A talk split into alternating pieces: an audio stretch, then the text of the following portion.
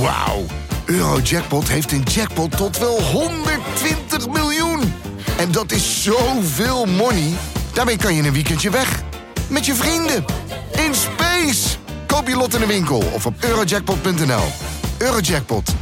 Een spel van Nederlandse Loterij. Speelbewust 18+. Plus. Wat heb je meegenomen vandaag? Ik mag sinds eh, 2010 dit terravage beheren. Het symboliseert Nederland. Want we hebben met elkaar zoveel opgebouwd. En dat moeten we beschermen, dat moeten we behouden. En wat zegt een deskundige van Dels Blauw van zo'n vaasje? Nou, we zien hier natuurlijk een authentiek 21 eeuws vaasje met typische Nederlandse kenmerken. Nou, nou hoor je het eens van een deskundige. Wat denk je dat het waard is? Onbetaalbaar.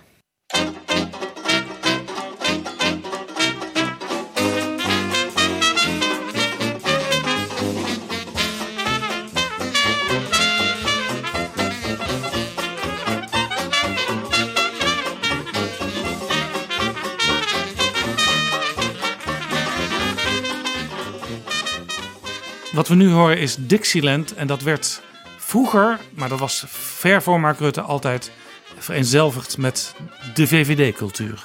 De VVD is een muziekpartij.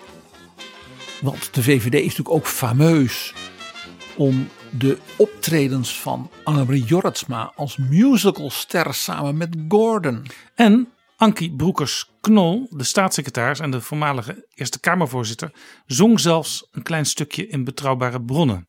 I heard somebody whisper, please adore me. And when I looked the moon, it turned to gold. Blue moon. Now I'm no longer alone. Without a dream in my heart. Without a love of my own. Without a love of my own. Gewoon jezelf kunnen zijn. VVD. Dit is Betrouwbare Bronnen met Jaap Jansen.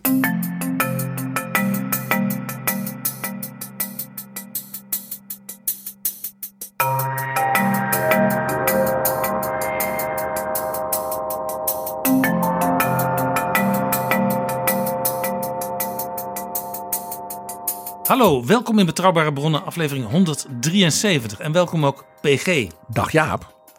PG, we hebben het recent gehad in Betrouwbare Bronnen over het CDA, over de SP, over FVD, over de PVV, over linkse samenwerking. Alle reden lijkt mij dat wij het nu eens gaan hebben over de Volkspartij voor Vrijheid en Democratie. En PG, de luisteraars weten dat jij altijd zeer geïnteresseerd bent geweest in het liberalisme vanaf de 18e eeuw. Dat is een van jouw favoriete onderwerpen. Absoluut. En ik beloof dat dit keer niet de guillotine allemaal nonnen gaat ontho- onthoofden. Zoals in de opera Dialoog der Karmeliet. We gaan het hebben over de VVD, sinds 2010 in de Tweede Kamer de grootste partij. Maar voordat we echt beginnen, PG, wil ik eerst nog even de nieuwe vrienden van de show welkom heten. Dat zijn luisteraars die met een donatie betrouwbare bronnen mede mogelijk maken. Onze nieuwe vrienden van de afgelopen dagen zijn Arend Jan, Jaap Koen, Arte, Henk, John, Joris, Anneke en Roberto. Ach Jaap, heerlijk. Al die nieuwe vrienden van de show. Jaap Jansen en Pieter Gerrit Kroeger duiken in de politieke geschiedenis. De VVD. In 2010 en 2012 hadden ze de Partij van de Arbeid hijgend in de nek, maar toch de grootste. Ja Jaap, dat is een heel interessant element ook van hoe beeldvorming in de politiek werkt. Dus de gedachte, de VVD is nu de grootste partij in het land. En alsof dat een soort vanzelfsprekend verschijnsel is, een soort natuurverschijnsel. Nou, in 2010, bij de verkiezingen toen, scheelde het, nou ja, maar een haar. Of Job Cohen had de PvdA groter gemaakt dan Mark Rutte. Ja. Toen als voor de tweede keer lijsttrekker van de VVD. Het lukte met zijn VVD. In 2012 maakte Rutte na zijn eerste kabinet, eh, de gedoogconstructie met de PVV, een geweldige verkiezingsuitslag voor de VVD. Maar toen kwam Diederik Samson bij de Partij van de Arbeid op. Het scheelde opnieuw maar een haar. Bij de eerste exit polls had, had de VVD en PvdA ongeveer beide 40 zetels. Nou, dat werden er uiteindelijk 41 voor Mark Rutte, heel knap. En 38 voor Diederik Samson en zijn PvdA. En dat was misschien nog wel knapper. Ja, en er zijn twee momenten geweest, eh, nota bene tijdens deze kabinetsperiode, Rutte 3, eh, dat de VVD is ingehaald. Eerst bij de provinciale statenverkiezingen en dus ook bij de Eerste Kamerverkiezingen door het Forum voor Democratie. Die werd daar de grootste. En korte tijd later bij de Europese parlementsverkiezingen door de Partij van de Arbeid van Frans Timmermans.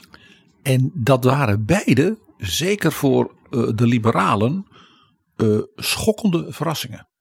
Men had daar in zijn hele campagne en ook zijn hele zeg maar, thematiek en wijze van campagne voeren geen moment op gerekend. Nee, hoewel Rutte natuurlijk wel in debat is gegaan met Thierry Baudet bij Jeroen Pauw. Was dat voor de Europese verkiezingen? Nee, voor de statenverkiezingen waar FVD dus inderdaad de grootste werd. Uh, Jaap, want het bewijst dus wat ik zei. Zij dachten één keer die vlieg wegtikken en dan is het over. Ja, zo kun je het ook zien. Dat wijst erop dat je dus heel goed moet kijken, zoals altijd bij verkiezingen, naar cijfers. Naar de feiten. Bovendien, zowel in 2010 als in 2017 weten we van Mark Rutte, ik heb daar in mijn boek Tand destijds ook over geschreven, dat hij er eigenlijk van uitging dat hij het op de valreep nog zou kunnen afleggen tegen het CDA. Want in 2010 was hij er zeer op beducht dat het CDA desnoods op het laatste moment Balkenende als lijsttrekker voor de zoveelste keer zou inruilen voor Camille Eurlings. Daar was hij zeer beducht over. En in 2017 ging hij ervan uit dat, uh, zoals de PvdA zwaar op verlies stond, de VVD ook. En dat Buma wel eens net groter zou kunnen worden met zijn CDA dan de VVD. Ja, dat was in werkelijkheid niet zo, want uiteindelijk werd het 33 voor de VVD en 19 voor het CDA. Dat die campagne dus heel anders uiteindelijk liep dan verwacht, zegt vooral ook iets dus over hoe ongewis dingen zijn, maar ook hoe onzeker dus de VVD was. Ja, het lijkt dus een sterke partij, want de grootste. Nou, we hebben nu uitgelegd dat dat ook zeer te relativeren is. Laten we nu eens gewoon inhoudelijk naar de ontwikkeling van die partij in de laatste tijd en zeker onder Rutte gaan kijken. Maar wat je ziet is, en dat, dat kan niet uh, uh, weggepoetst worden, is dat Rutte als aanvoerder van de VVD sinds 2006 die partij natuurlijk zowel kwantitatief als kwalitatief een andere positie in het Nederlandse politieke landschap heeft gegeven. Ook als hij niet de grootste was, of maar net de grootste was, was het natuurlijk wel heel anders dan in de eeuw daarvoor. En dat moet je Mark Rutte zonder meer nageven. Wat je ook ziet is dat die steun soms heel breed is. Denk de 41 zetels in uh, 2012. Maar niet heel diep. Want dat zie je dus bij zo'n statenverkiezingen, bij zo'n Europese verkiezingen. En ook bij bijvoorbeeld een Kamerverkiezing als die van 2017. Ik blijf daar altijd op wijzen. Dat Mark Rutte in 2017, na het succes van zijn kabinet, het herstel van de economie, ook het succes in Europa en dergelijke van premier Rutte, een kwart van de stemmen verloor. De Duitsers zouden zeggen geen kanslerbonus. Zijn coalitiepartner, de Partij van de Arbeid van Samson, toen geleid door Ascher, verloor drie kwart van haar zetels. Dan kun je niet zeggen, wat was mijn coalitie een enorm succes? Nee, nee. Dus wel breed, maar misschien niet diep. Heel onlangs, Jaap, is er buitengewoon boeiend onderzoek gedaan door uh, de mensen van uh, Rood Vlees, bekend blog van ja. politicologen. Stuk rood vlees, dat is trouwens een term die door Mark Rutte gemunt is. Hij zegt dan wordt er een stuk rood vlees in de politieke arena geworpen en dan stuift iedereen erop af. Het zogenaamde kluitjesvoetbal, waar bijvoorbeeld Pieter Omtzigt zich bij de klik zo aan ergert. Die term heeft Mark Rutte uiteraard uit de Amerikaanse politiek. Hè, red meat, you have to give them red meat. Hetgeen ook weer aan erop wijst, we zullen er nog wel meer over hebben, dat Mark Rutte de internationale politieke literatuur en historische literatuur heel goed volgt. Nou, die jongens van Stuk Rood Vlees, die hebben eigenlijk van alle partijen is onderzocht, waar staan ze nou electoraal? He, zowel zeg maar, op de links-rechts als uh, open, meer gesloten uh, pro-Europees, minder pro-Europees, anti-Europees assen. Als ook waar staan de kiezers van die partijen. En wat mij opviel was dat zij zeiden: kijk, de lijn van de VVD is vrij aardig te definiëren. Zeg in de eh, Rutte-jaren. Ze is op sociaal-economisch vlak is ze eh, aan de rechterzijde, nadrukkelijk, herkenbaar. En op zeg maar, het sociaal-culturele, eh, het Europese, het internationale, is ze een beetje van alles wat. Een beetje een allemansvriend. Ze is niet links, ze is niet rechts, ze is niet boven, ze is niet onder, ze is van van alles wat. Ja, en dit maakt ook dat Rutte in de praktijk vrij makkelijk kan samenwerken met eigenlijk politici uit alle windstreken. Dat zou een verklaring kunnen zijn, ja. De kiezers die als het ware zich op die manier identificeren van ach ik ben een beetje van alles wat op het maatschappelijke terrein en dergelijke, het internationale en op het economische zit ik toch wat op de, op de rechterzijde, dat is maar 10% van de kiezers. En het interessante is dat zij zeggen, ja, ze hebben hardcore VVD die zich echt helemaal herkennen in de lijn Rutte. En de klassieke VVD die hij daarin representeert, is dus maar nog altijd, net als vroeger, een partij van 10% van de kiezers. En dat wijst erop dat het feit dat de VVD onder Rutte met name dus, ver buiten die kring van die 10% is gekomen, dat dat eh, een verklaring behoeft. Maar misschien Jaap is dat ook het punt waar we het net over hadden met die cijfers. Ha, dat schiet nu ineens door mijn hoofd. De VVD is dus af en toe in schijn een grote partij. Doordat ze ineens veel zetels heeft. Maar dan raakt ze er ook weer ineens weer gewoon een kwart kwijt. Terwijl de premier een succes is. En dat komt omdat misschien wel die, zeg maar, die laag VVD-stemmers rondom die 10% ja, eigenlijk vrij ongrijpbaar is. En misschien ook niet zo heel trouw. Ook niet zo erg overtuigd. Bijvoorbeeld geen ideologisch gedreven liberalen zijn. Sterker nog, dat weten we wel zeker. Dat blijkt uit die cijfers.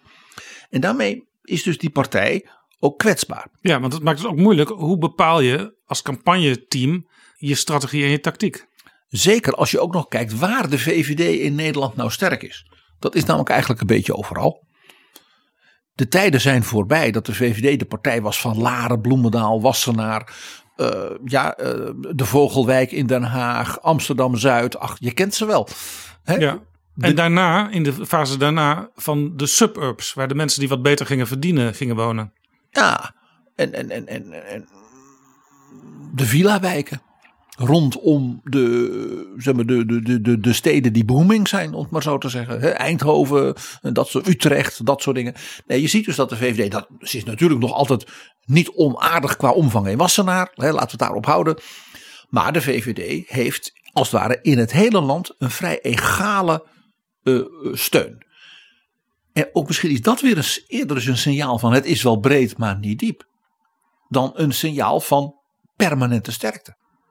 Het beeld is dus, Rutte is nu de leider van de grootste partij. Rutte eh, zweeft boven alles uit. Is een soort winnaar ook. Maar dat beeld is onterecht. Nou ja, het is zoals altijd in de politieke geschiedenis meestal veel gelaagder, genuanceerder. en Ook voor, voorzien van alle mogelijke risico's en ja, eh, eh, momenten van, van schrik en, en, en vrees. eh, dan, dan zo'n algemeen beeld. Ja, laten we het niet vergeten. Mark Rutte werd VVD-leider. met 49% van de stemmen van de achterban. Ja, in de strijd met Rita Verdonk, Die iets van 48 had. En Jelleke Veenendaal, wie kan haar ooit vergeten? 3%. Ja, zoiets. Eh, dus dat was geen triomf. Toen moest hij daarna eh, op de mat voor de Kamerverkiezingen van eh, herfst 2006. Dat was nog minder dan een triomf. Dat was een afgang. Ja, dat viel echt tegen. Dat was een zwaar verlies. Waarbij dan voor de psychologie het ook nog fijn was dat Rita Verdonk op twee meer stemmen kreeg van voorkeur dan de lijsttrekker Mark Rutte zelf. Ja, waardoor een strijd ontstond tussen haar en Rutte over wie is nu echt de belangrijkste in de VVD. Die strijd was er vanaf het begin geweest, maar die werd nu als het ware door die uitslag weer zogenaamd gelegitimeerd.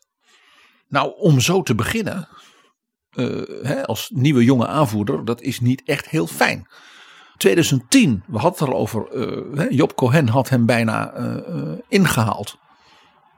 En ja, dat was wel knap, want de partij van Job Cohen, de Partij van de Arbeid, had in het kabinet Balken en de Vier ja, een hele belangrijke rol gespeeld. En was boos weggelopen uit dat kabinet. En ja, brekers betalen. En je kent het allemaal wel. Heel knap wat Cohen toen voor elkaar kreeg. In 2010 PvdA 30, VVD 31. Een haar verschil. als er een aantal eh, dames in Wassenaar en Bloemendaal tijdens die verkiezingsdag toch op in een huisje in Frankrijk waren geweest, was Job Cohen premier geworden, zal ik maar zeggen. nou, 2012, knap. 10 zetels winst van 31 naar 41. Dat was knap. Zeker als je keek naar dat het kabinet dat Rutte had kunnen leiden. Hè, met Maxime Verhagen van het CDA als zijn vicepremier. En gedoogd door eh, de PVV van Geert Wilders. Natuurlijk in een tranendal e- eindigde. Maar ja, dat tranendal was vooral een tranendal ook voor het CDA-electoraal. Eh, en toch ook voor de PVV, die een enorme dreun kreeg. Ja, en ook hier hijgde de Partij van de Arbeid, de VVD, opnieuw in de nek. Nu met Diederik Samson. Ik wees al op die twee keer dat dus Mark Rutte een opmerkelijke eh, eh, en ook ja, terecht enorm bejubelde hè, die nacht in zijn partij overwinning haalde, had hij dus iemand ja, in- letterlijk in zijn nek zitten. Eh, Zonder wie die eh, maar heel moeilijk eh, zeg maar het premierschap kon, kon, realiseren. Ja, dat is overigens nu in 2021, anderhalf week voor de Tweede Kamerverkiezingen, nog niet te zien. Dat iemand Rutte in de nek hijgt. En dat is dus een interessant verschil met die keren, zeker 2006 toen hij het gewoon volledig aflegde tegen Balkenende. 2010, hè, nou ja, bijna aflegde tegen Cohen. 2012, ja, de rivaal, helemaal nieuw, jonge lijsttrekker van de PvdA, eh, Dirk Samsom, die hem zeer op de hielen zat. Kortom, die beeldvorming van enorme winnaar, ja, eh, die 41 zetels was heel knap. Maar eh, niet met afstand. Niet, ik zal maar zeggen, een afgetekende overwinning, zoals men dat noemt. Nou, eh 2017, ik wees er al even op, was gewoon een enorme nederlaag voor de VVD. Alleen die werd wat afgedekt in de beeldvorming door natuurlijk de disaster van Lodewijk Asscher en de Partij van de Arbeid. Ja, de VVD 25% eraf en de Partij van de Arbeid 75%. Ja, dat is toch voor een coalitie niet een testimonium om trots op te zijn. Nee. En geen kanslerbonus. Nou, 2019, jij wees er al op, eh, eh, een SOF. Eerst nota bene tegen Baudet. Eh, die toch Henk Otten nog altijd heel dankbaar moet zijn voor die uitslag. En daarna tegenover Timmer Frans bij de Europese verkiezingen. Ja, Frans Timmermans voor de jonge luisteraars. Dus ik kijk vanuit de politieke historie. En dan zeg ik, eigenlijk heeft Rutte één keer een verkiezingsoverwinning ja, gehaald. Waarvan wij ook nog zeggen, het was geen afgetekende verkiezingsoverwinning. Maar wel een hele mooie. Op het niveau, ik zal maar zeggen, van de gouden jaren voor de VVD. Van de Paarse kabinetten en Frits Bolkestein. Dus de uitslagen die doen denken aan die van 94 en met name die van 98. Ja, En verder niet. nee. Nee, want we moeten inderdaad niet ver- vergeten onder eh, Nijpels, net na het vertrek van Wiegel, en onder Bolkestein zat de VVD ook al in de buurt van de 40 zetels. Eh, Nijpels kwam in de 30. En nogal in de 30, dat was toen echt een doorbraak. 36. Ja, het was een doorbraak ten opzichte van zeg maar, de klassieke nette heren VVD van de jaren 60 en 70. Eh, en onder Bolkestein kwam er als het ware nog een soort tweede doorbraak richting echt, echt richting de 40. Eh, doordat Bolkestein natuurlijk heel knap zeg maar, de klassieke VVD aanhang. Plus een, eh, ik zal maar zeggen, wat meer xenofobe eh, aanhang eh, aan elkaar koppelde. En daarmee in feite de VVD natuurlijk opzadelde met het probleem wat ik maar noem. Dat ze dus en Rutte en Verdonk in één partij moesten zien te houden. Wat dan ook niet lukte. Ja, Bolkestein die haalde 38 zetels in 1998, dus ook richting die 40. En dus je zag dat Nijpels en Bolkestein achtereenvolgens.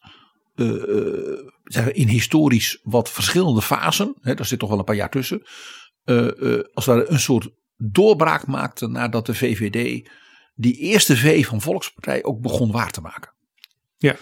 Was trouwens heel komisch toen Bolkestein 38 zetels haalde. Toen werd dat gevierd, die verkiezingsavond in Madurodam. Misschien toch een teken van bescheidenheid van Bolkestein dat hij het daar wilde vieren. Dat zou dan toch voor het eerst zijn. PG, als we even naar de VVD als partij kijken. Wat nu opvalt is dat ze relatief weinig leden hebben. Ze hebben er ongeveer 25.000.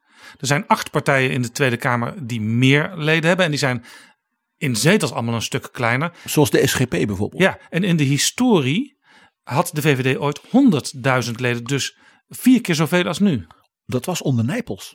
En wat dat betekent als je zo weinig leden nog hebt, terwijl je wel een grote partij bent in verkiezingsuitslagen, En vooral dus gespreid over heel het land moet je dus mensen hebben. dan krijg je moeite met het vullen van bijvoorbeeld gemeenteraads- en provinciale statenzetels. Ja, het recruteringsaspect van een partij is in een, zeg maar, een sterk ook gespreide democratie als Nederland. Eh, een van zijn belangrijkste functies. Dat is dat je als het ware de roltrap bent voor talent. En bij voorkeur veel talent. Naar allerlei interessante maatschappelijke organisaties, maatschappelijke posities. En het hoeft niet alleen maar in de politiek te zijn. Dat kan ook zijn in het maatschappelijk debat, in de vakbonden, in de onderwijsorganisaties en dergelijke. En de VVD heeft daar dus een probleem. Zeg jij in feite. De VVD is trouwens ook, schiet mij nu te binnen, een partij die nogal hoog staat in de lijstjes elk jaar weer eh, van schandaaltjes, eh fraudegevallen, integriteit. Zou dat ook komen doordat ja, bijna iedereen die zich meldt, die kan in een gemeenteraad komen? Ja, dat durf ik niet te zeggen. Want dan disqualificeer ik al die mensen die misschien met de meest nobele liberale idealen in die gemeenteraad gaan Dat zitten. moeten we niet doen. Dat ga, ik, dat ga ik zeker niet doen. Het is wel zo dat een partij dus met relatief weinig leden ook- dus relatief weinig eh, omzicht zou zeggen tegenmacht in de eigen organisatie heeft. Men is al blij als er zich iemand meldt. Eh, Dus de kans dat er als het ware een soort tunnelvisie is ten opzichte van de, nou ja, elkaar is aanwezig. En ja, het is ook wel zo dat natuurlijk, eh, laat ik zeggen, jij had het over schandaaltjes, ja. Maar we hebben ook echt grotere dingen gehad. Er is altijd in elke mand wel een rotte appel. Maar als de partijvoorzitter echt zo zwaar onder vuur ligt. Maar als bijvoorbeeld een belangrijk man, eh, ook bestuurlijk belangrijk man, als de gedeputeerde Ton Hoijmaijers Van de VVD in Noord-Holland, ja, de speel blijkt van een, ja, een echt heel groot, eh, ja, toch, eh, mag, ja, ik zeg maar, wat mafioos vastgoed gebeuren. Ja, dan, dan, dan, dan denk je, zijn we in Italië. Ja, en met de partijvoorzitter bedoel je natuurlijk Henry Keizer. Hij is inmiddels overleden, maar die kwam in opspraak eh, als crematiekeizer, zo werd hij in de wandeling genoemd. Hij had een cre- crematiebedrijf en dat had hij op een hele handige, bijna gratis manier over kunnen nemen met, met een paar vrienden. En daar was van alles omheen. En eh, de man is overleden, dus het gaat nou niet Nee. om hem. Maar het zijn signalen dat het dus niet alleen maar Jos van Rij in Limburg is. En er zijn ook best wel wat bewindslieden van de VVD, ministers en staatssecretarissen, die in al die jaren hebben moeten aftreden. Meer denk ik dan van andere partijen relatief. Dat is, vind ik, inderdaad een opvallend punt. Eh, in dat opzicht eh, is Erik Wiebes bepaald geen uitzondering. Eh, en, en soms ook om, ja, opgestapt om redenen dat je denkt, jongen, jongen, jongen, jongen, had je in, zeg maar het, en dan komen we dus op het punt, de recrutering van die mensen niet wat beter, nog even wat kritischer, misschien nog even zeggen van, is dit wel het goede moment dat jij bijvoorbeeld op die post komt? Dat gold voor Fred Teven. eh God toch ook voor As van der Steur. Wekers. eh, kijk, Halbe Zijlstra was natuurlijk eh, gewoon, pijnlijk. En dat, ja, dat, dat, daar zit dus een bepaald soort. Nou ja, we moeten iemand naar voren schuiven, die dan maar. Sfeer omheen. En dat heeft denk ik te maken met waar jij op wees. Dus die ja, geringe capaciteit. En daar werd misschien ook wel van dus de geringe interne evaluatie, kritische evaluatiefuncties binnen die partij. Ja, normaal gesproken heb je in een partij talent scouting. Dat heeft elke partij.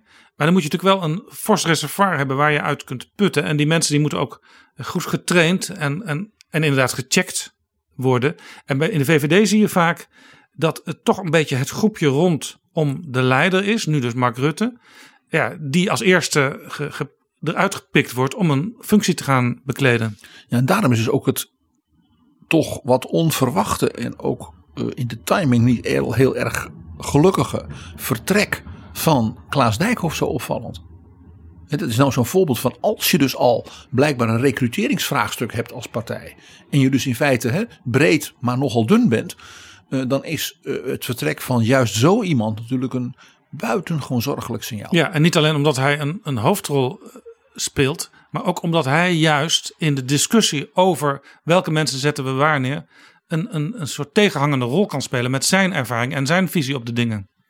En de rol van een fractieleider in de Tweede Kamer, zeker als dat de fractieleider is van de grootste regeringspartij, een hele bijzonder is. Want die moet en zorgen voor de, zeg de partijdiscipline wat betreft inhoud en beleid. En ook de kritische rol vervullen richting bijvoorbeeld de premier en de partij. En misschien ook zelfs wel af en toe de rest van de coalitie.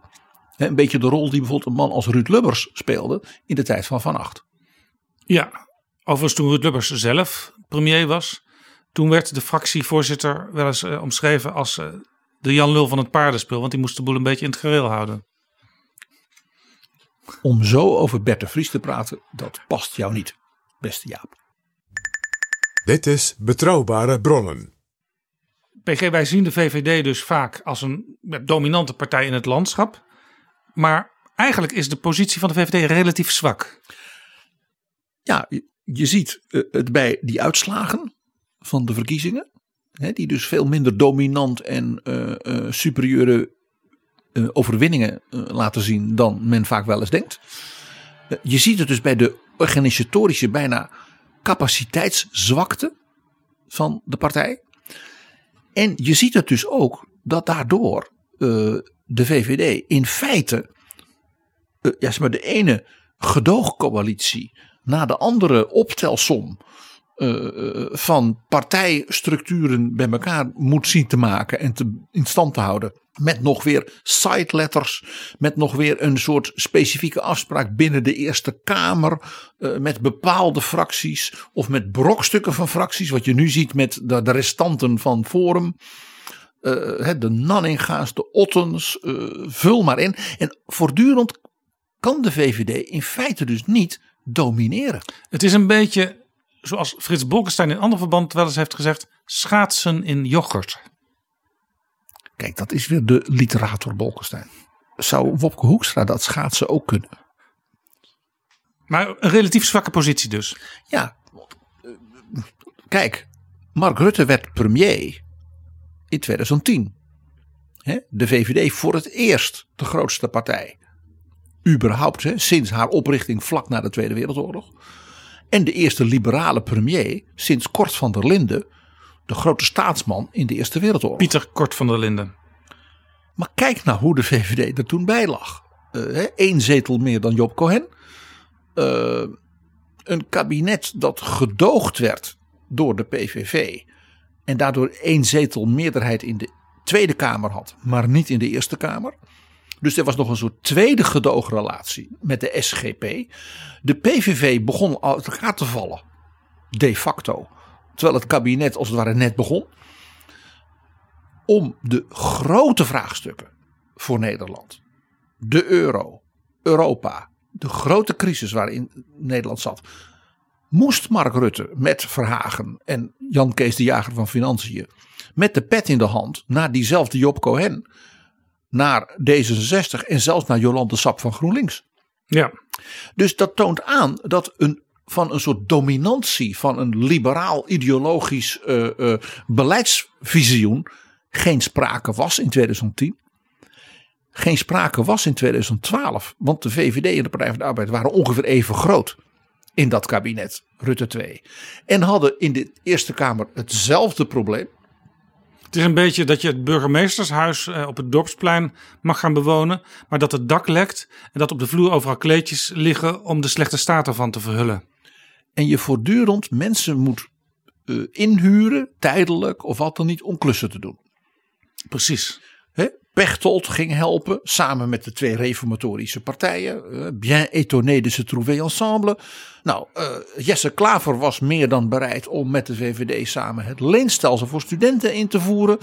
Het was dus ook toen weer een, een beetje een broddelapje, dat regeren. Ja. Nou, in deze kabinetsperiode vier partijen.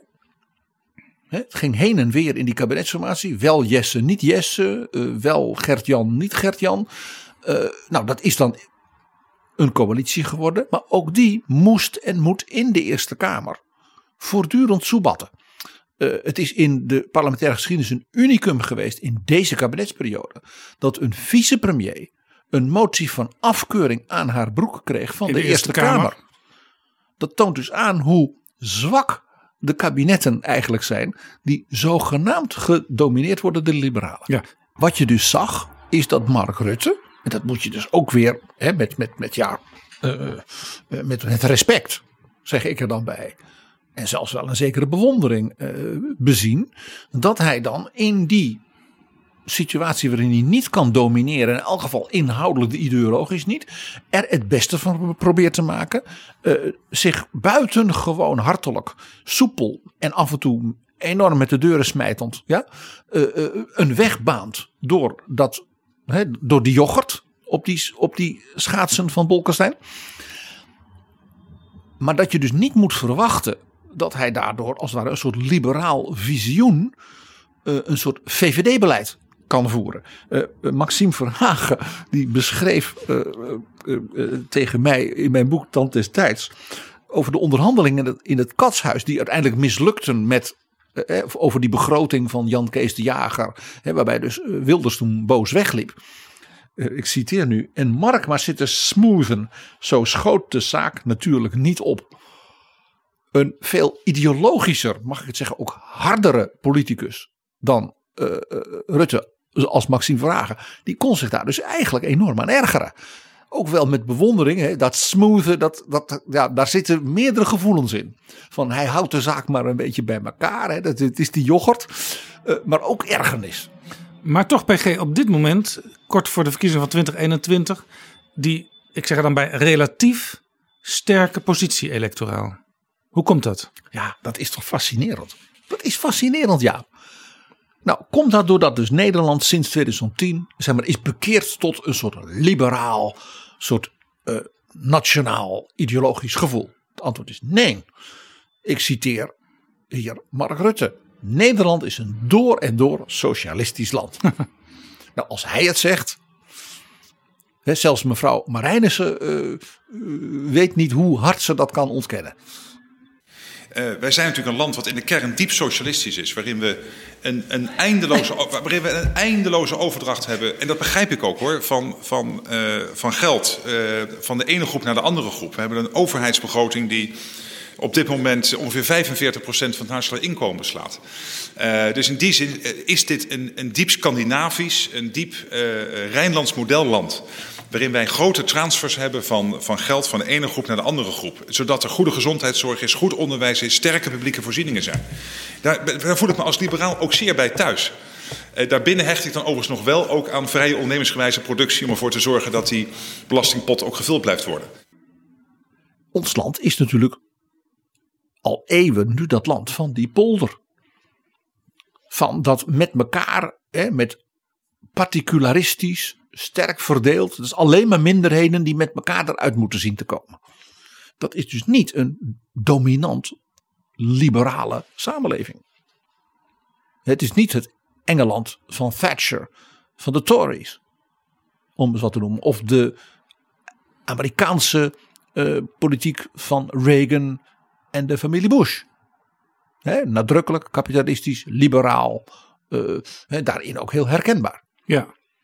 Nederland is natuurlijk ook domineesland. Het vingertje. En dat is echt niet alleen maar de SGP of zoiets. Dat is ook Jan Pronk. Als, als Rutte zich een beetje verschuilt eh, achter zo'n opmerking als Nederland is een door en door socialistisch land, dan staat hij wel ver af van dat beeld wat we allemaal hebben van Hans Wiegel achter de debattafel met Joop den Uyl, met zijn vinger naar den Uyl wijzend. Sinterklaas bestaat, daar zit hij. Want hier wordt de democratie ondermijnd. Hier worden de mensen opgevoed in de politiek van de illusie. Sinterklaas bestaat. Daar zit hij, achter de tafel. Dit was een echte duidelijke tegenstelling in de Nederlandse politiek. Wiegel, VVD, Den Uyl, Partij van de Arbeid. En die dus het verwijt maakt aan die rooien. Dat ze als het maar willen interveneren. eh, Die overheid die zich met alles bemoeit. eh, Het rode injectiespuitje van minister van Kemenade in het onderwijs. De term alleen al een rood injectiespijp. Zullen we even kijken naar het begin van Mark Rutte toen hij het nieuwe beginselmanifest van de VVD schreef? Dat was nog wel in die lijn van Wiegel, zou je kunnen zeggen. Dat beginselmanifest, dat was zeg maar zijn, zijn product als de nieuwe jonge VVD-leider.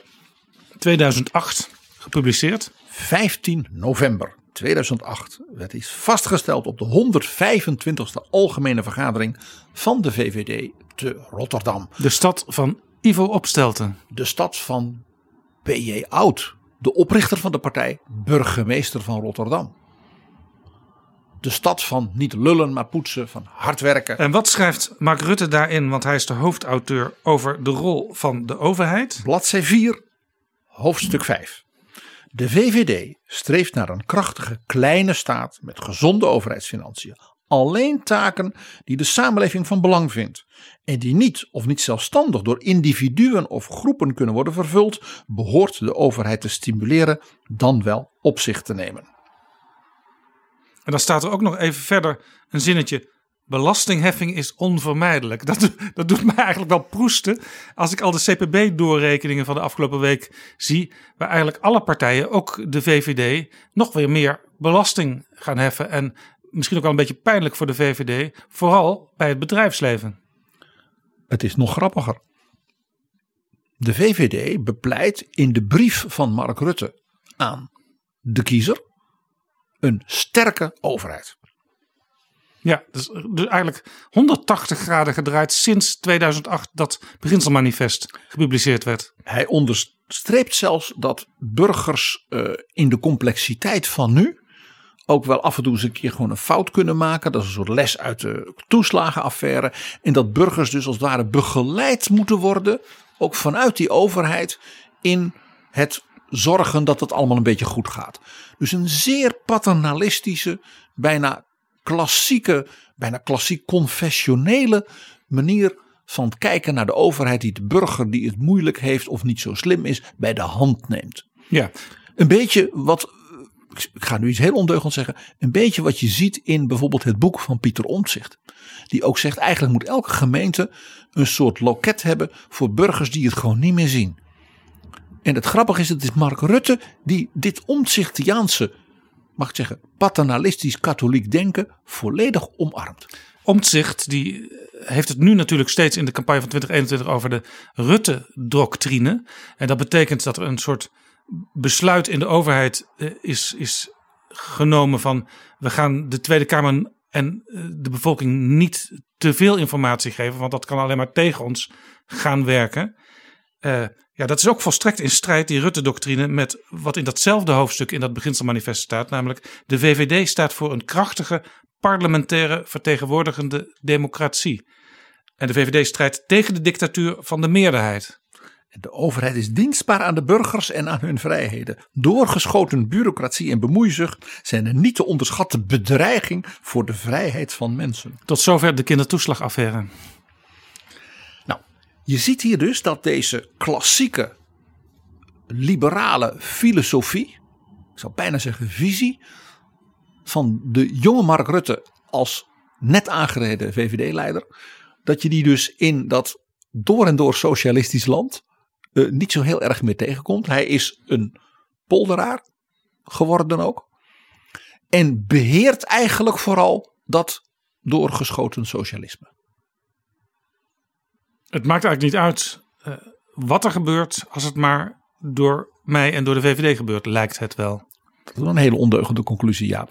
Maar nog een tweede punt is die sterke electorale positie, hè, die dus niet komt doordat Nederland ineens een heel liberaal, ideologisch gedreven land is geworden. Komt dat dan door de persoon Mark Rutte zelf? Heb hier al, hiervoor al een paar keer, eh, laat ik zeggen, mijn grote eh, respect voor zijn politieke vernuft en kunsten getoond. Maar laten we naar de cijfers blijven kijken. We hebben het eerder al gedaan. Het antwoord is dus nee. Hij begon met een crashing defeat in 2006 als aanvoerder met Rita letterlijk op zijn nek. Geen kanslerbonus van premier Rutte in 2017. Nee. Terwijl het met de economie beduidend beter ging. Eh, in 2019 moest hij meemaken als VVD-leider dat zijn voorganger Hans Wiegel zo opzichtig zat te flirten met Thierry Baudet dat het een beetje pijnlijk werd. Laten we even luisteren. En nu is het dus de grote kunst, want zetels winnen, zeker ook in zo'n enquête. Nou ja, dat kan nog wel, maar zetels houden is natuurlijk veel moeilijker. U, u heeft hier wel eens met hem gezeten, hè? Bent, u- waren jullie samen te gast, was u heel lovend over hem. Sindsdien, hij roept wel eens dingen. Er was hier bijvoorbeeld de nieuwe voorzitter van de VVD. Die zat in, die stoel een paar weken geleden. Vervolgens ging meneer eh, Baudet op Twitter helemaal los. En riep allemaal dingen over uw partij die je op zondagochtend echt niet kunt herhalen. Wat vindt u van... Ja, maar echt, was gewoon met schuttingtaal en zo. Wat vond u daarvan? Van dat soort gedrag van Bizar. Baudet? Waarom doet hij Bizar. Onverstandig. Maar hij is nog veel verder gegaan. Hij heeft een van de nieuwslezers die het weerbericht naar buiten brengt. Een keurige man die precies weet hoe het zit. Gerrit Hiemstra, Ja. Gerrit Hiemstra. Fries ook nog. En eh, daarvan heeft hij gezegd, die man moet eh, ontslagen worden. Hallo.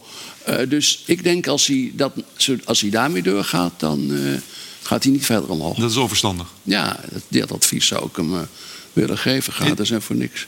Ga, gaat eens even denken. Moet de VVD zich zorgen maken over hem? Dat, op zichzelf is er reden voor. Want eh, de VVD eh, is toch vanaf het moment van de verkiezingen tot nu... Nou, vijf, zes zetels kwijt, zoiets. En een deel daarvan is natuurlijk naar Baudet gegaan. En hij zit op de rechterflank, net als Wilders op de rechterflank zit. Kijk, voor de VVD is deze Baudet een concurrent. Dat is voor zichzelf goed, want dan blijf je tenminste wakker. Dat was Hans Wiegel bij WNL.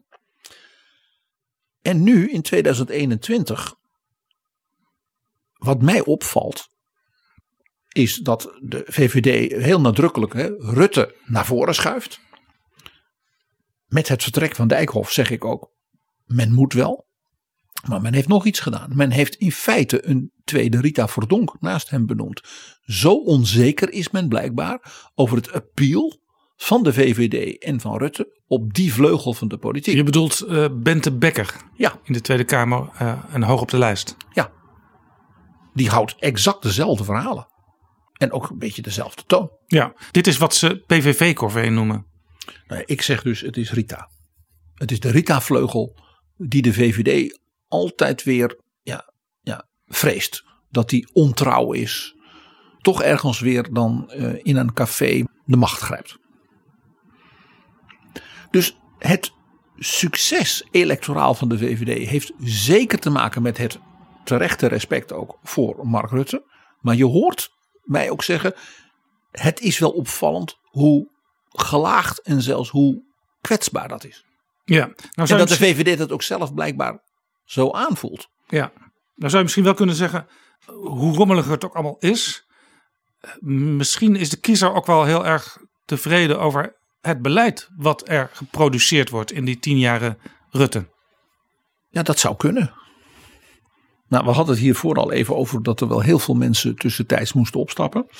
Dus ja, eh, eh, ze hebben het thema good government, zoals men dat heeft. Het safe pair of hands, wat een heel machtig appeal is, zoals wij weten in alle zeg maar, moderne Ja, democratieën, je waar weet- kiezers niet zo heel ideologisch Je zijn. weet wat je hebt, je weet niet wat je krijgt. En we willen keine experimenten. we hebben het over dat soort strategieën ook gehad. De Rose Garden Strategy. U weet dat ik mijn best doe voor het land. Dus good government, het safe pair of hands. Wat bijvoorbeeld een man als Wim Kok uitstraalde. Ja, en het is eigenlijk ook wat de bedoeling is van die brief van Rutte die onlangs in de kranten gepubliceerd werd. Ja. Vertrouw het mij nu maar toe. Ik weet ook niet precies waar we naartoe gaan en hoe we dat doen, maar vertrouw het mij nou maar toe. U weet wat u aan mij heeft.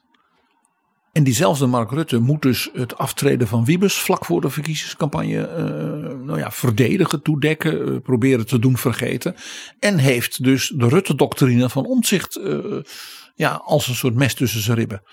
Dus dat good government is niet het sterkste aspect. Ja, overigens interessant dat je al twee keer dat aftreden van Wiebes noemt. Het hele kabinet is natuurlijk ook afgetreden. Daar heeft niemand het meer over. Dat zijn we eigenlijk al allemaal vergeten. En dat was natuurlijk ook precies de bedoeling. Dit is een van die fascinerende dingen. Ja, waar wij gewoon na de verkiezing een keer een speciale editie van deze podcast aan wijden. Het aftreden van Kok 2 over Srebrenica in 2002. Er zijn dus dat soort aftredens eh, van kabinetten. Denk ook aan Balkenende 2. eh, waarvan je zegt, "En maar hoe werkte dat nou door? Dat men het als het ware daarna weer heel snel vergat of dat het heel lang doorwerkte. De Nederlandse politiek is wat dat betreft heel rijk en gevarieerd. Die zetten wij naar de toekomst toe in een aparte aflevering, PG. Kijk, als jij zegt het beleid, dat zou dan een argument kunnen zijn van eh, Rutte heeft toch heel veel dingen die hij de kiezer heeft beloofd. eh, of een aantal grote liberale gedachten gerealiseerd. Nou, we hadden het er al over. De VVD was eigenlijk altijd te klein om in die kabinetten echt liberaal te domineren. In dat door en door socialistisch land. Je ziet dus ook dat Rutte op een buitengewoon oprechte en behendige manier zich geregeld excuseert. Van dat hadden we toch beter moeten doen. Of die belofte heb ik niet kunnen waarmaken.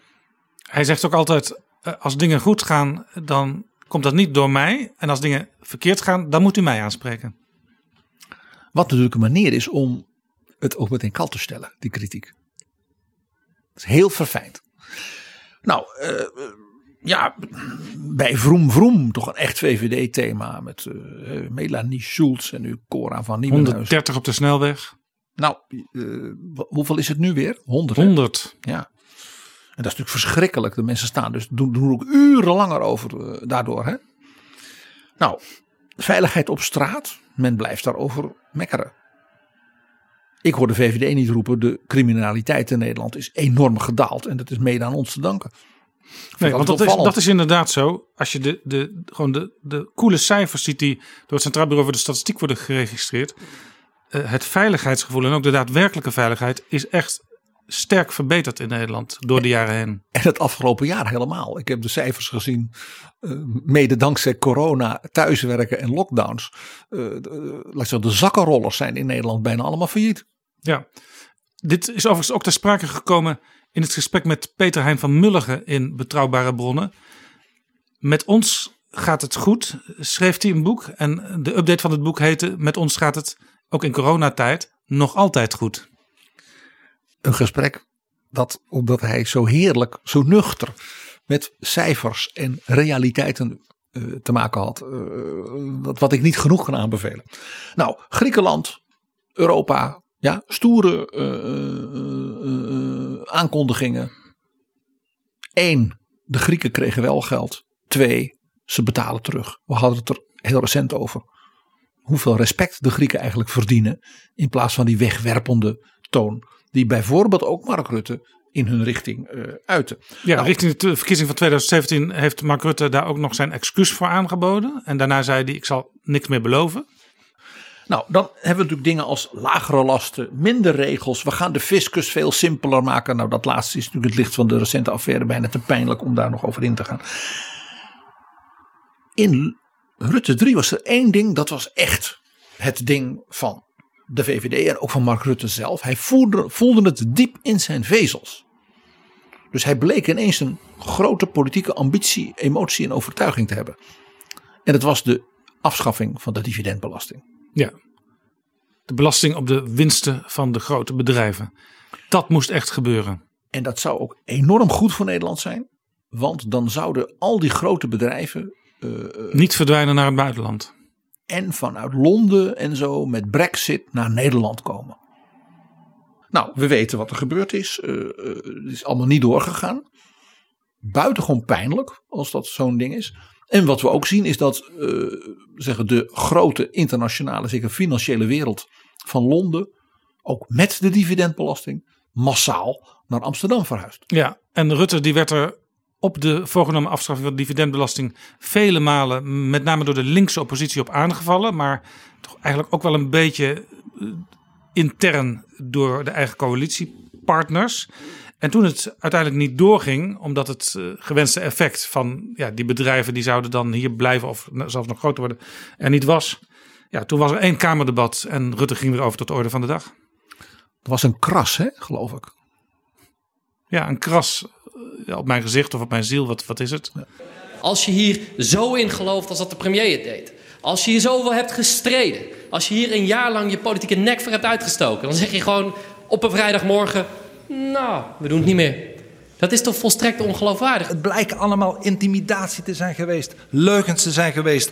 Hoe moeten we hem dan vertrouwen? Hoe moeten we hem dan geloven als deze premier zegt het is noodzakelijk. De premier heeft gegokt en hij heeft verloren. En het zou hem sieren als hij dat vanavond iets meer zou toegeven. Als hij hier niet om de hete brei heen draait, maar als hij gewoon zegt: Ik had het verkeerd. Als dan vervolgens een groot bedrijf besluit om niet naar Nederland te komen, is dat natuurlijk een teleurstelling. Is dat een kras? Dat is een kras. Hij noemt het zelf een kras, maar het is veel meer dan dat. Ik vond het inderdaad behoorlijk kras. En toch, en toch, en toch, Jaap. Die dividendbelasting, dat dat zoiets, ja, hoe moet ik dat nou zeggen, bijna emotioneels is. Voor de, in dit geval echt de VVD-aanvoerder Mark Rutte. Dat komt niet uit de lucht vallen.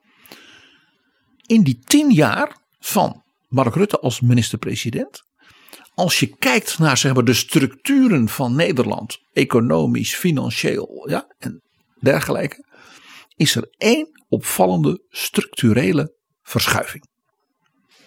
En dat is hoe wordt nou de collectieve sector, zoals men dat noemt, dus de overheid, de diensten, de politie, de ziekenhuizen, de scholen, hoe worden die nou betaald? Dan zeg jij door belastinginkomsten. De overheid. En dan heeft ze soms een tekort en soms eh, loopt het ongeveer gelijk en soms heeft ze zelfs een beetje een meev- meevaller, een overschotje. Dat leer je allemaal al in de brugklas. Ja. Maar waar komt dat geld vandaan? Van de burgers en van de bedrijven. Ja. En hoe verhoudt zich dat tot elkaar? Dat is in de loop van de jaren steeds meer bij de burgers terechtgekomen en steeds minder bij de bedrijven. Als je kijkt naar de, ik zal maar zeggen, de decennia Lubbers, Kok, Balkenende. Dan had je in Nederland een relatief stabiele verhouding. En dat was een derde, twee derde. Dus een derde van die belastinginkomsten, waar dus de collectieve sector op werd gefinancierd. Dus de zekerheid die dat ook gaf. Hè, dat je dus niet wist, hebben we volgend jaar nog wel geld voor een juf of voor een verpleegkundige? Nee, dat was er. Dat derde kwam van bedrijven. En twee derde kwam van de burgers samen. Hoe is het nu na tien jaar Rutte? Nou ja, dat is dus heel interessant. Van twee derde, een derde is het drie kwart, één kwart. Dat is dus een enorme verschuiving. Dat is een structurele, kwalitatieve verschuiving. Niet alleen maar kwantitatief, dat je zegt het is 1, 2, 3 procent een beetje meer en daarna een jaar een beetje minder. Ten gunste van het bedrijfsleven dus, want die hoeven veel minder bij te dragen. In procenten dus duidelijk minder. En ten nadele van de burgers. Die in procenten meer betalen. Ja, en dit geeft ook al aan hoe moeilijk het is als er in debatten wordt geklaagd over ja, de, de lasten voor de burgers. Om daar iets aan te verbeteren.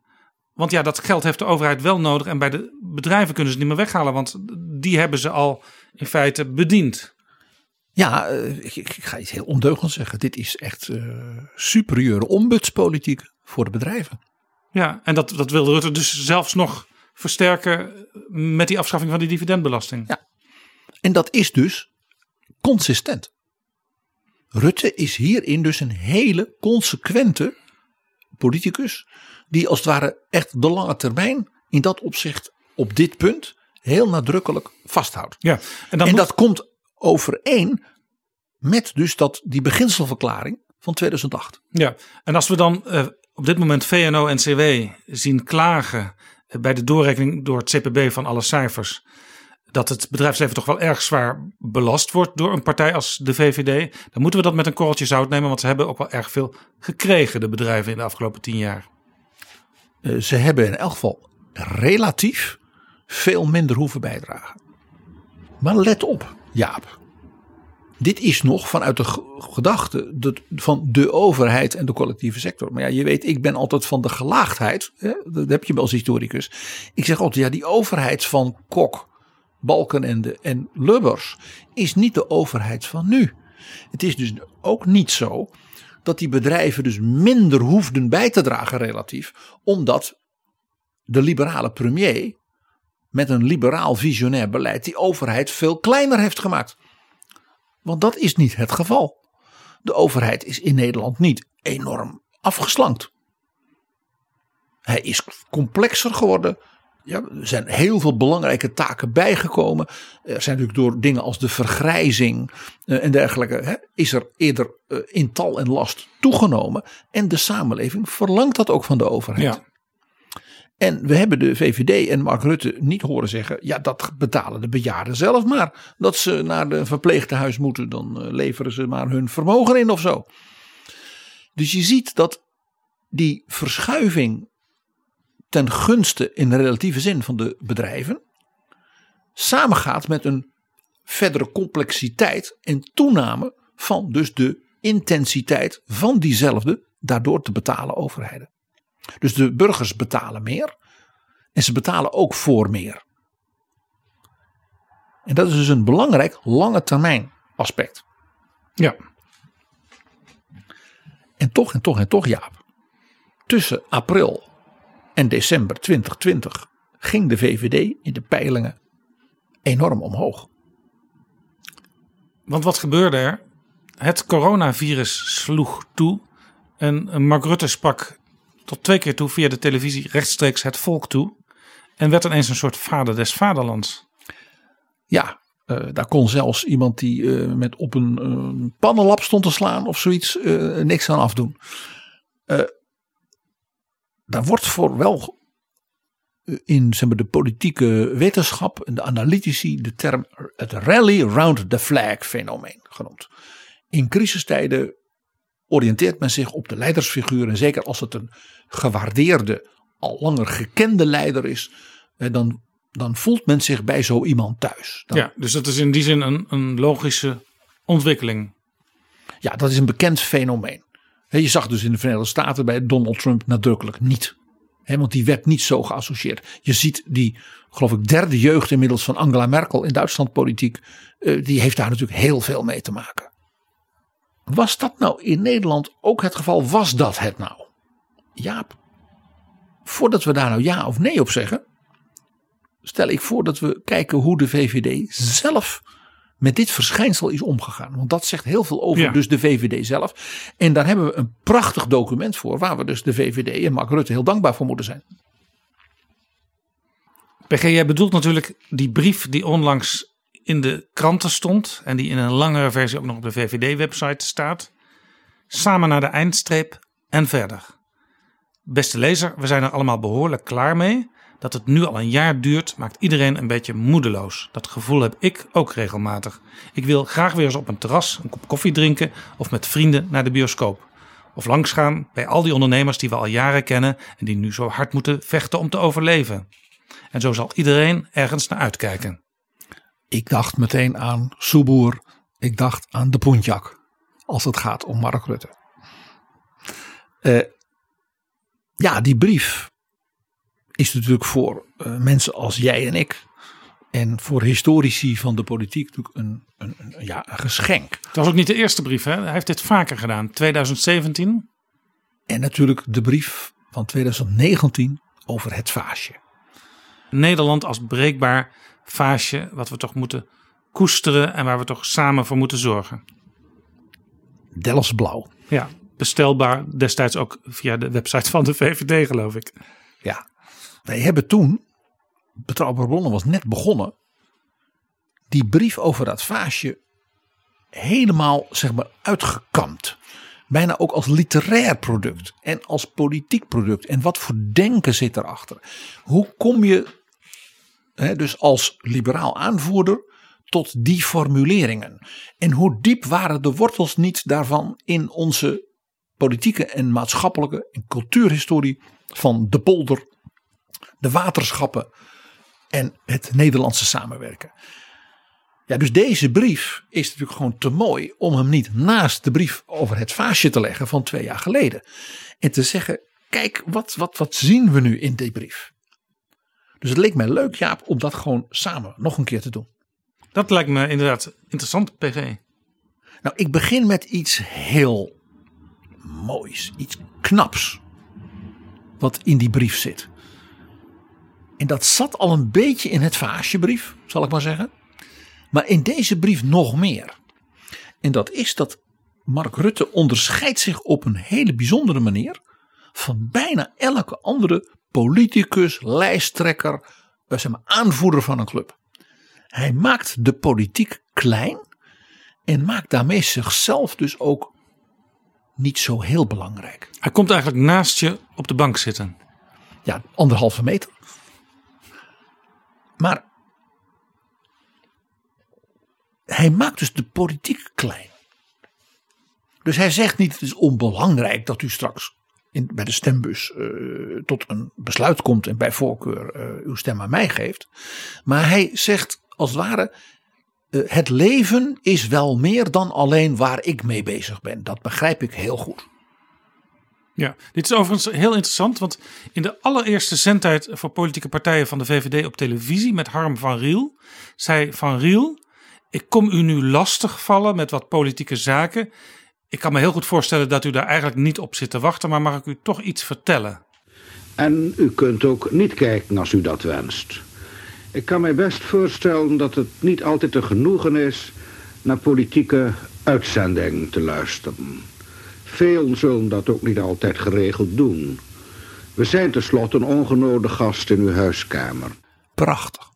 Dat zit hier bijna onder. Er zit een Harm van Riel verborgen in Mark Rutte. Harm van Riel was een hele speciale, een, een beetje excentrieke VVD'er. Hij was intellectueel, maar ook, ja, waar kwam het accent vandaan? Ik kan het bijna niet Noorden plaatsen. van het land. Ja, noorden, oosten. Ja. Harm van Riel. En die was de leermeester van de jonge opkomende politicus Hans Wiegel. En misschien wel de laatste Nederlandse politicus die wij ons herinneren die niet te bedenken was zonder bolknak. Daar deed mij dit dus aan denken, die hele toon van die brief. Ik heb een heel mooi voorbeeld van hoe Rutte dat klein maken en daarmee zichzelf dus als het ware ook matig belangrijk maken tot een soort kunst verheft. Hij heeft een tijd geleden een, in een seminar eh, bij Sociëteit De Witte voor nou wel 100, 125 mensen. En dat waren allemaal, dat was het netwerk van een universiteit. En dat waren oud bewindslieden, dat waren hoogleraren, dat was zeg maar de great and the good van Nederland. Ja, en dat was ook een bijeenkomst die niet openbaar was. Dat werd niet gefilmd of gepubliceerd. Nee, daar golden Chatham House Rules, zoals dat heet. En ik heb mij daar natuurlijk niet aan gehouden, Jaap. Want ik heb het verhaal van Rutte over het premierschap toen ook gebruikt voor mijn boek Tand destijds. Foei, PG. Schande. De hoogleraar die het organiseerde heeft mij vergeven. Meld het je maar even.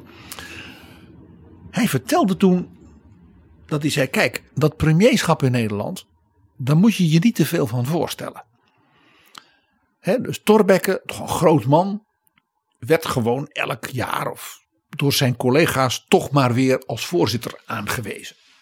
Dat was premier. Je bent als premier niet zoals de Bundeskanzler, ja, dat je hem aanwijzingen mag geven.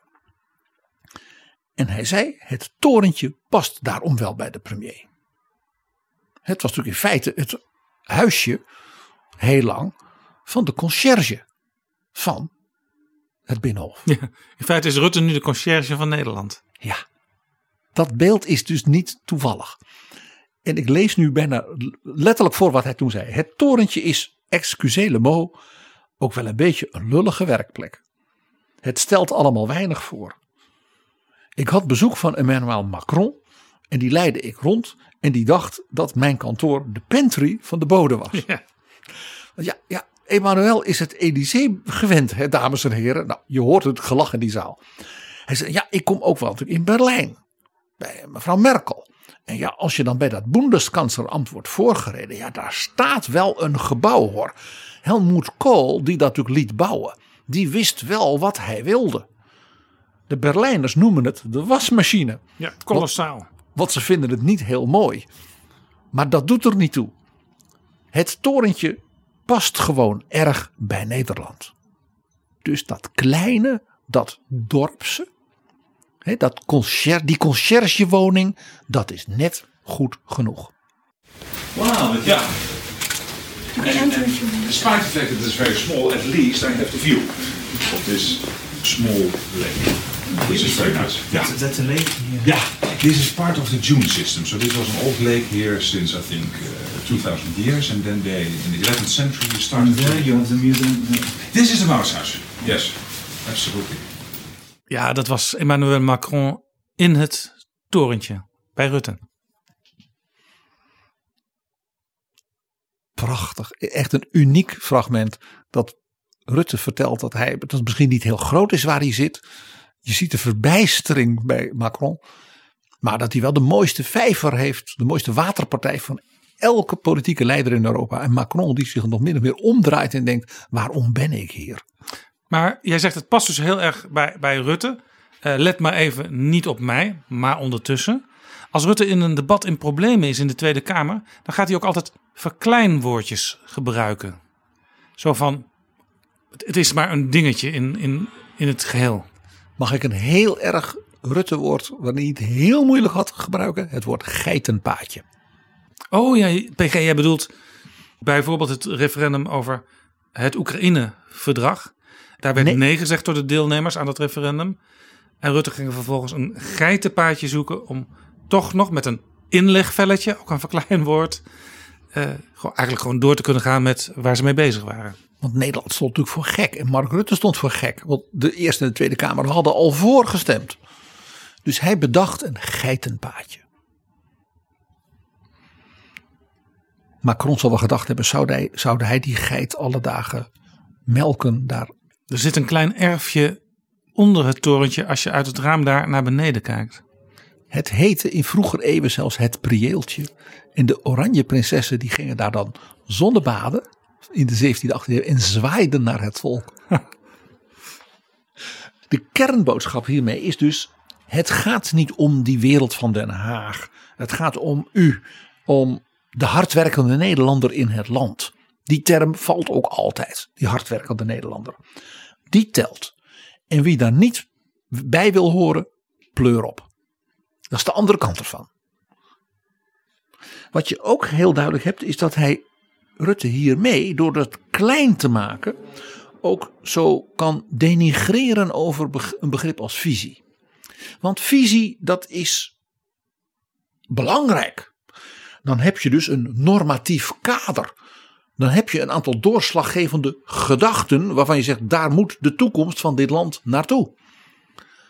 En als het allemaal een beetje klein is, ja, dan, ach, doe toch niet zo ingewikkeld. Bovendien, visie doet nog iets. Visie vraagt mensen tot offerbereidheid. Zullen we samen voor dit grote doel deze offers brengen? Uit die brief, uit deze, deze lijn, blijkt van ik ga u vooral niet te veel vragen. Niet te veel offers. Niet te veel uh, normatieve kaders. Jaap, die hardwerkende Nederlander, weet je waar we die meteen als eerste tegenkomen? In dat stuk van Mark Rutte zelf van 2008. Die beginselverklaring. En die heet Missie en Visie, heet dat. En daar staat er. De VVD gaat in het offensief tegen de terreur van de middelmaat. Voor de hardwerkende Nederlander die vorm en inhoud wil geven aan de eigen toekomst. Dus dat klein maken van de politiek. Ja, en daarmee dus die hardwerkende Nederlander als daar een soort voorkeurs- en voorrangspositie geven. Is stiekem wel degelijk een visie. Over visie gesproken, PG, in het verkiezingsprogramma, daar staat zelfs een beetje ook verontschuldigend. Ja, we hebben toch voor u iets ontwikkeld wat je misschien visie zou kunnen noemen. En als ik het intro van het eh, VVD-verkiezingsprogramma lees, eh, dan staat er eigenlijk ook weer waar we, het, waar we het net over hadden. Het voelt enigszins ongemakkelijk om de aandacht nu op de politiek te vestigen, terwijl de samenleving zoveel doorstaat en mensen uit zichzelf zoveel veerkracht tonen. Dat is precies ook weer wat Harm van Riel daar zei. En het is diezelfde pantry van de conciërge, die niet te veel aandacht zegt te willen vrij, te eisen. Jaap, uh, wat je dus ziet, en dat is dus heel bijzonder. Ik zei ook, Mark Rutte onderscheidt zich hier heel nadrukkelijk uh, van andere zeg maar, lijsttrekkers, aanvoerders, ja? Uh, ook van andere premiers die lang zitten, is dat hij er bijna prat op lijkt te gaan geen groot liberaal te zijn. Geen groot denker vanuit het liberale beginsel. Hij is dus geen Thorbecke. Hij is geen William Gladstone, een Theodor Heuss of een Raymond Aron als groot Frans liberaal denker. Ja. Want hij wil dat zelfs gewoon niet zijn. Nou ja, misschien in zijn beginjaren nog wel, hè? 2008, dat beginselprogramma. Eh, hij had ook een tijdje eh, groen rechts in de aanbieding. Maar daar werd eigenlijk door de VVD'ers die al wat langer meeriepen tegen hem gezegd. Mensen als Henk Kamp en Edith Schippers. eh, Mark, doe dat nou niet. Hou je nou bij een aantal herkenbare VVD-punten. Zoals eh, lagere belastingen, veiligheid, vroom vroom. Uri Rosenthal, een van zijn grote leermeesters, heeft een keer aan jou daar heel interessant iets over verteld. Een memo aan Mark Rutte, februari 2009. Kredietcrisis, Bos positief, goed gedaan. Economische crisis, Balkenende, negatief, deed niks. Oplopende spanningen CDA en PvdA aan henzelf overlaten. Hardwerkende Nederlander, HBN'er, standaard opvoeren. Achterban CDA rechtser dan het lijkt, biedt ons kansen. Dat was Uri Rosenthal in Betrouwbare Bronnen.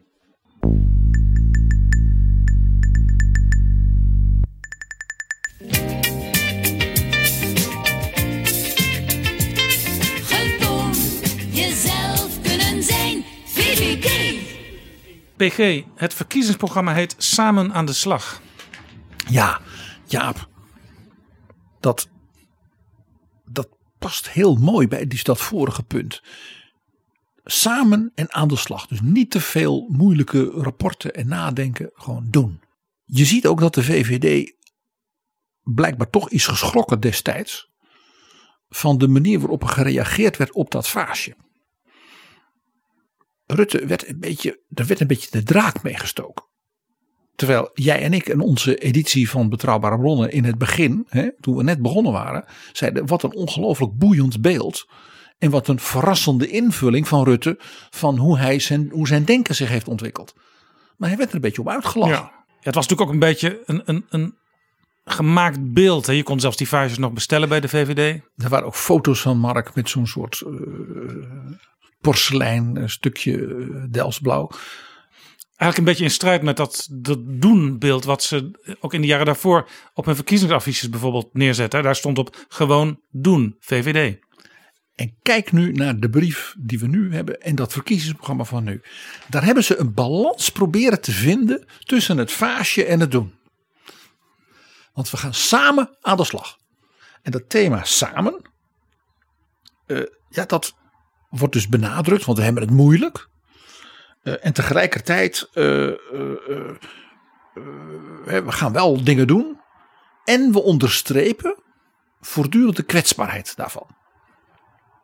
En dat is een, als het ware een nieuw aspect in de balans van dat doenerige en het vaasje. Ja, uit dat woord samen blijkt ook dat de VVD eigenlijk de rol van volkspartij heeft geclaimd.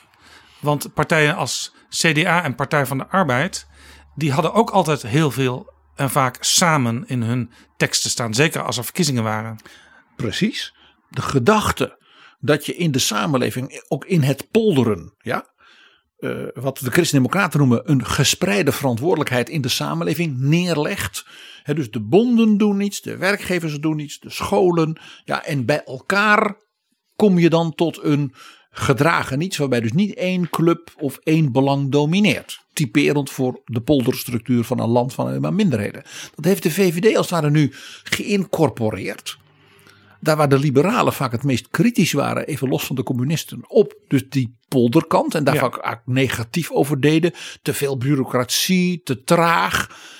Ineens is het als het ware, de polder is nu geliberaliseerd in de zin van het is tot een soort oerliberaal principe gemaakt. En dat is dus als het ware een stap voorbij het vaasje. En dat vind ik dus een hele interessante.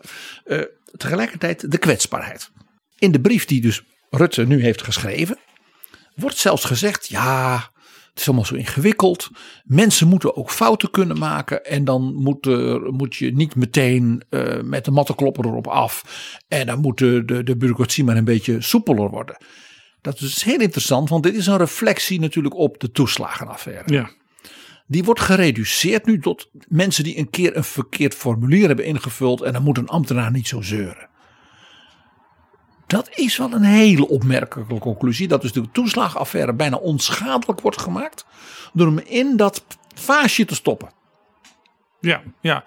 Terwijl die toeslagenaffaire, daar bleek juist een soort systematisch verkeerde en hemeltergende aanpak.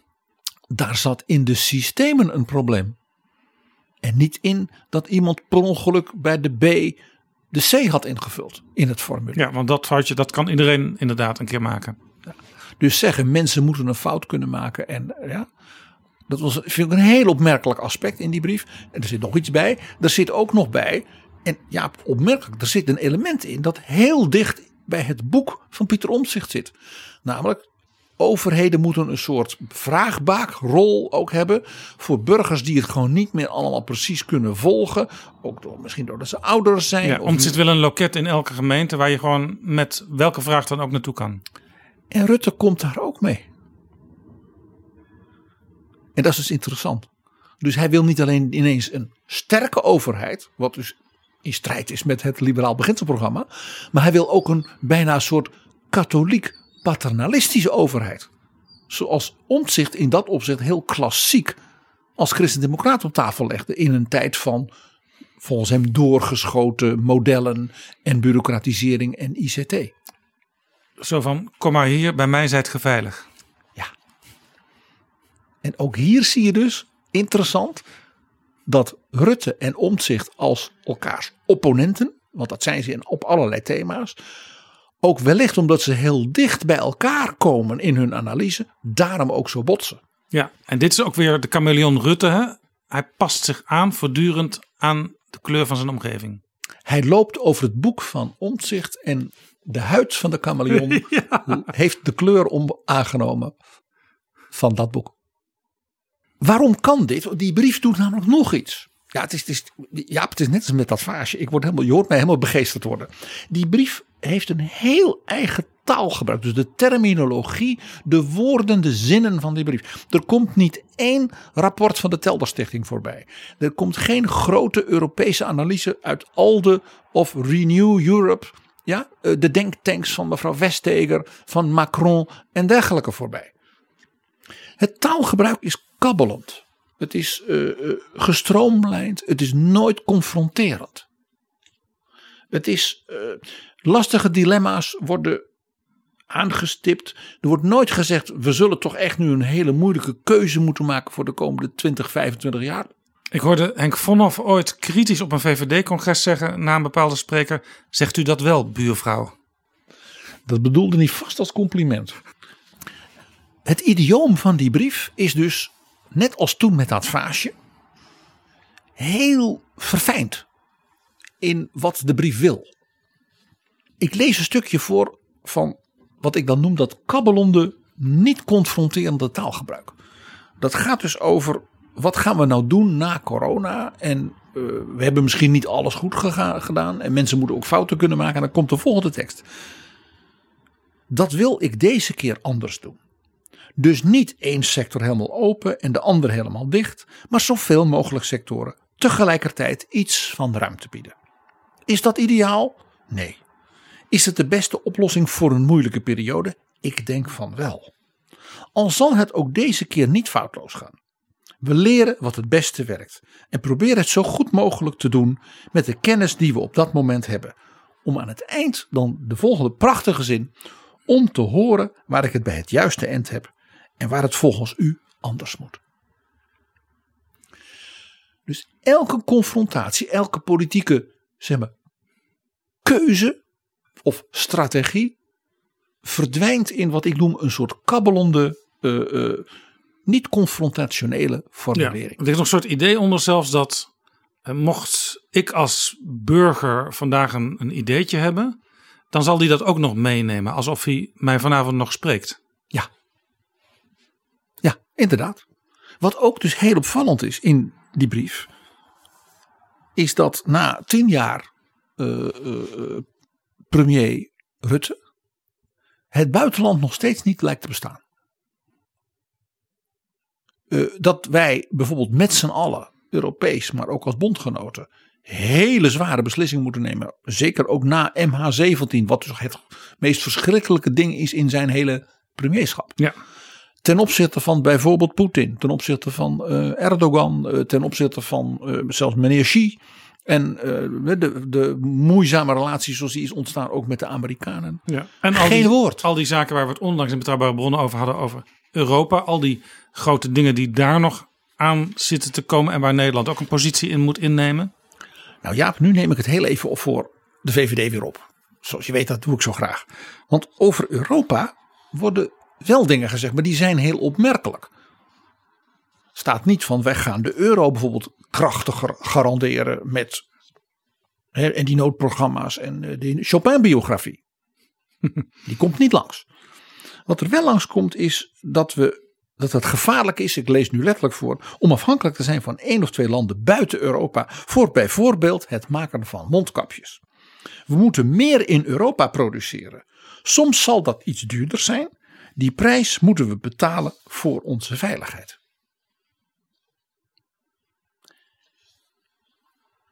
En in dat hele verhaal, die hele brief, wordt één bedrijf genoemd. En jij zou verwachten natuurlijk een ASML, KLM die we hebben gered.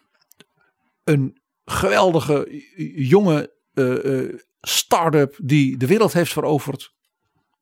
Nee, ik lees voor. Ondernemers uit Nederland en andere Europese landen hebben te vaak het nakijken als buitenlandse bedrijven hier de markt proberen te veroveren. Bijvoorbeeld onze winkeliers en webwinkels die concurrentie krijgen van Chinese webwinkels als AliExpress. Concurrentie is dus eigenlijk iets engs voor deze liberaal. Het is protectionistisch binnen Europa. En wat hij ook zegt, en dat is natuurlijk wel weer interessant, is dat dus de krachtige lijn van liberale eurocommissarissen als mevrouw Kroes en mevrouw Vestager ten opzichte van grote niet-Europese machtige techbedrijven de volle steun heeft van Mark Rutte, alleen hij zegt het niet. Maar zonder Europa, geeft hij dus aan, zijn we toast. Als bedrijven in Nederland. Maar politieke consequenties, of want dat zou te confronterend zijn en past dus niet in dus die Ja, het is inderdaad een kabbelend praatje. En ondertussen worden er wel degelijk eh, nieuwe koersen ingezet. Maar zonder ze te noemen. we zien het niet. Ja. We mogen het niet zien. We hoeven het niet te zien.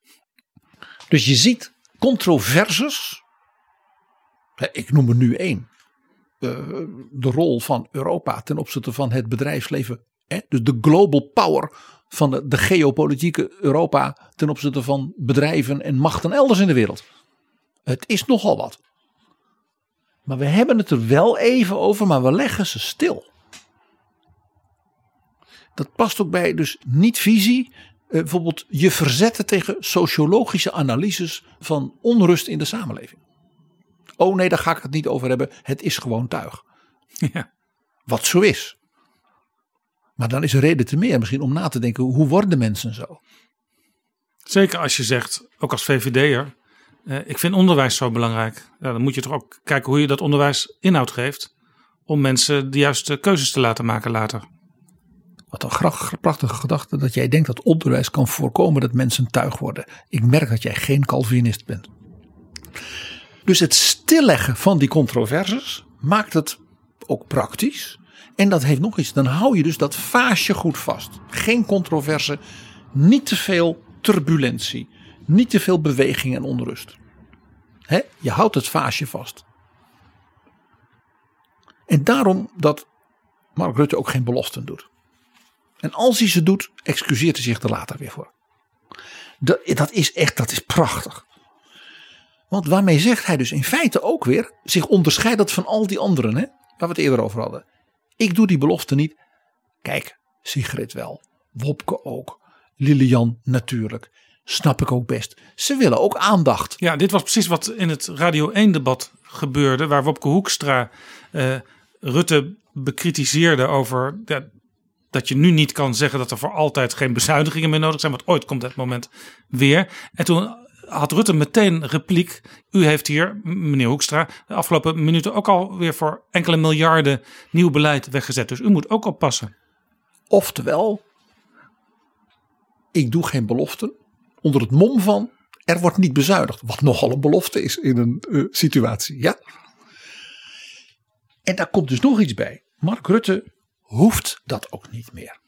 Wat hij dus uitstraalt is hij kan zonder beloften. En dat is wel voor de politicus wel. Ja, ik vind het bijna esthetisch dus fraai. Eh, want als je er niks belooft, dan kun je ook met iedereen weer. Ja, en dit past ook heel erg bij zijn Rose Garden strategie van doorregeren. Eh, ja, af en toe eens even afdalen naar die campagne. Maar het is toch vooral het beeld van Rutte, de regeringsleider. Die zelfs in de filmpjes voor zijn RVD blauwe achtergrond staat te oreren. En de poster zie je Mark Rutte met een mapje in zijn handen met allemaal stukken. Hij is dus aan het werk en loopt van de ene vergadering naar de En de andere. fotograaf kreeg nog net 30 seconden om die foto te knippen. En waar is die foto gemaakt? Voor de deur van Algemene Zaken, het ministerie van de minister-president. Juist. De Rose Garden strategie in optima forma. En doordat hij dus geen beloften doet. En daardoor ook wel met iedereen kan die wel beloften doet. Maar die leveren ze dan wel in. Dat strepen we tegen elkaar weg. Ja. We doen niet moeilijk. Hè? Kan dan dus ook. Ben je dus ook heel berekenbaar. Want wie geen belofte doet, kan ze ook niet breken. En je komt er samen dan wel uit. En maakt u zich nou weer niet al te veel zorgen, hoewel de tijden moeilijk zijn.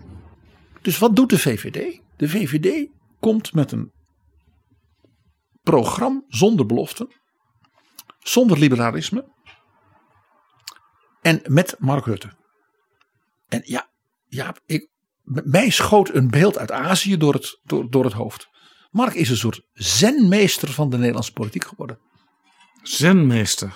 Ja. Hij houdt het klein. Ja.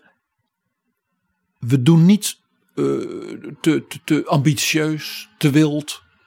Eh, een soort innerlijke rust is nu van belang. Rust, reinheid, regelmaat, Rutte. En die rust wordt natuurlijk in tijden van turbulentie, van verwarring, van dingen die eng zijn en van veranderingen. Ja, van wereldwijde onzekerheden. Met stress, die mensen natuurlijk ook hebben. Ja, best eigenlijk gewaardeerd. Al die narigheid is narigheid. De dagelijkse beslommeringen ja, zijn vaak ook moeizaam. En dan komt dus de politiek, in dit geval de politiek van Mark Rutte en zijn VVD, en die valt je niet lastig, à la Harm van Riel. ja, precies. Dus geen gekissenbis, geen geharrewar, ook geen mannetjesmakerij. Hè? Klein houden. En hij doet het allemaal, PG, voor ons. Want, eh, ach, als het toch misgaat bij die verkiezingen, heeft hij gezegd bij het Algemeen Dagblad, dan ga ik gewoon het onderwijs in. Ik ben nu al een paar uur in de week aan het lesgeven, maatschappijleer. Dat lijkt me leuk. Het lijkt mij voor die scholieren ook leuk. Laten we even luisteren naar Mark Rutte bij het AD. Meneer Rutte, wat zou het eerste zijn wat u zou doen als u geen premier meer bent? Geen premier bent? Nee, geen premier meer bent. Dan, dan, dan qua werk. Want op zich doe ik wel alles nu wat ik ook deed toen ik geen premier was. Dus qua mijn dagritme, zeg maar. Of gewoon mijn, mijn privéleven is niks veranderd. Ehm, maar ik, ja, ik, heb, ik denk als het fout gaat op 17 maart. Dan ben ik niet meteen weg. Hè. Dan heb je eerst een formatie. En dan eh, komt iemand de sleutel van het torentje ophalen als die formatie voorbij is. En het lijkt mij wel leuk. Ik geef nu als vrijwilliger les in het onderwijs. Om dan een paar jaar daar eh, echt te werken. Gaat u de politiek uit dus als u eh, niet wint? Ja, hangt er vanaf. Kijk, als de VVD zegt je mag blijven. Als, als, als, het, als het verlies beperkt is en ze willen me nog hebben als fractievoorzitter, zou ik dat het leukste vinden. Maar ik kan me ook voorstellen als het verlies te groot is, dat ze zeggen, nou opgedonderd met die man. We willen een ander. Ja, dan moet je er ook naar luisteren. Kijk, als ik de kans krijg, eh, ik, blijf ik het liefst in de Kamer zitten. Dat zou ik het liefste doen. Maar ja, je ziet toch meestal als de verkiezingsuitslag heel slecht is, dat zo'n partij zegt eh, wegwezen.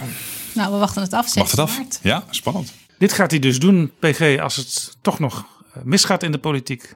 Uiteindelijk wil hij gewoon het onderwijs in. Als hij net als in 1217 weer geen kanslerbonus krijgt.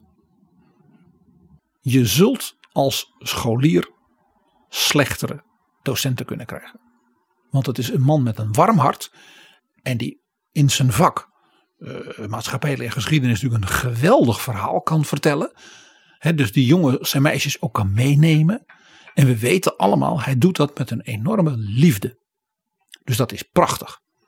Alleen als onderwijskenner zeg ik er iets bij. Hij heeft wel een probleem. Oh? Hij is geen docent in een tekortvak. Dus als zij-instromer, zoals dat heet, kan hij niet zomaar aan de slag. Want dan verdringt hij een zittende docent. Ja, er is geen behoefte extra aan maatschappij, leraren of eh, historici in het onderwijs. Nee, dus ja, dan gaan ze maar podcasten. Hè? Maar ik heb wel een idee. Ik zie het voor me. Mark Rutte gaat natuurlijk gewoon naar het Koninklijk Conservatorium als liefhebber ja, van klassieke muziek, van piano. En wordt daar leraar kunstgeschiedenis, geschiedenis en Duits. De Thomas Mann liefhebber, de muziekliefhebber Mark Rutte. Ik gun het hem van harte dat hij daar een prachtige functie vindt. En jij en ik zien hem op zijn fiets, appeltje in de hand, in de winter dat mutsje op, naar het conservatorium fietsen. Daarna naar zijn favoriete toko om iets lekkers voor thuis. En als we hem dan staande houden en even spreken en vragen hoe dat nou gaat daar op dat conservatorium, dan zal hij zeggen: gaaf man. Top. Zullen we helemaal passend bij Mark Rutte. En dit prachtige toekomstbeeld voor hem na het torentje. Dan piano laten horen. En we horen Gerald Moore, de fameuze begeleider op de piano van de Duitse bariton Dietrich Fischer-Dieskau. En die zingt van Richard Strauss het lied Zueignung. En dat heeft een heel beroemd refrein. En dat past natuurlijk helemaal na tien jaar van het premierschap van Mark Rutte. Habet dank, habet dank.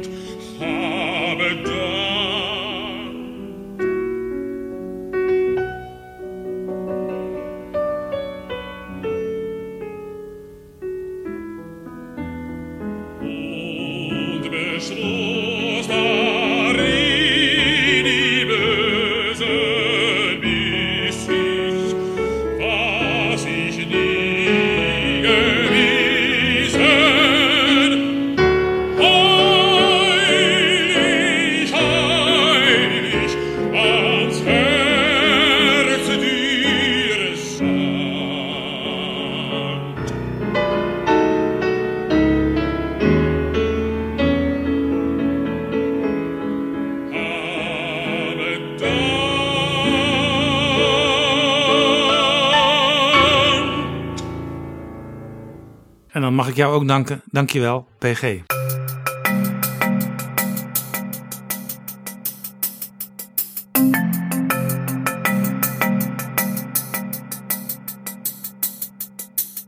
Zo, dit was Betrouwbare Bronnen aflevering 173.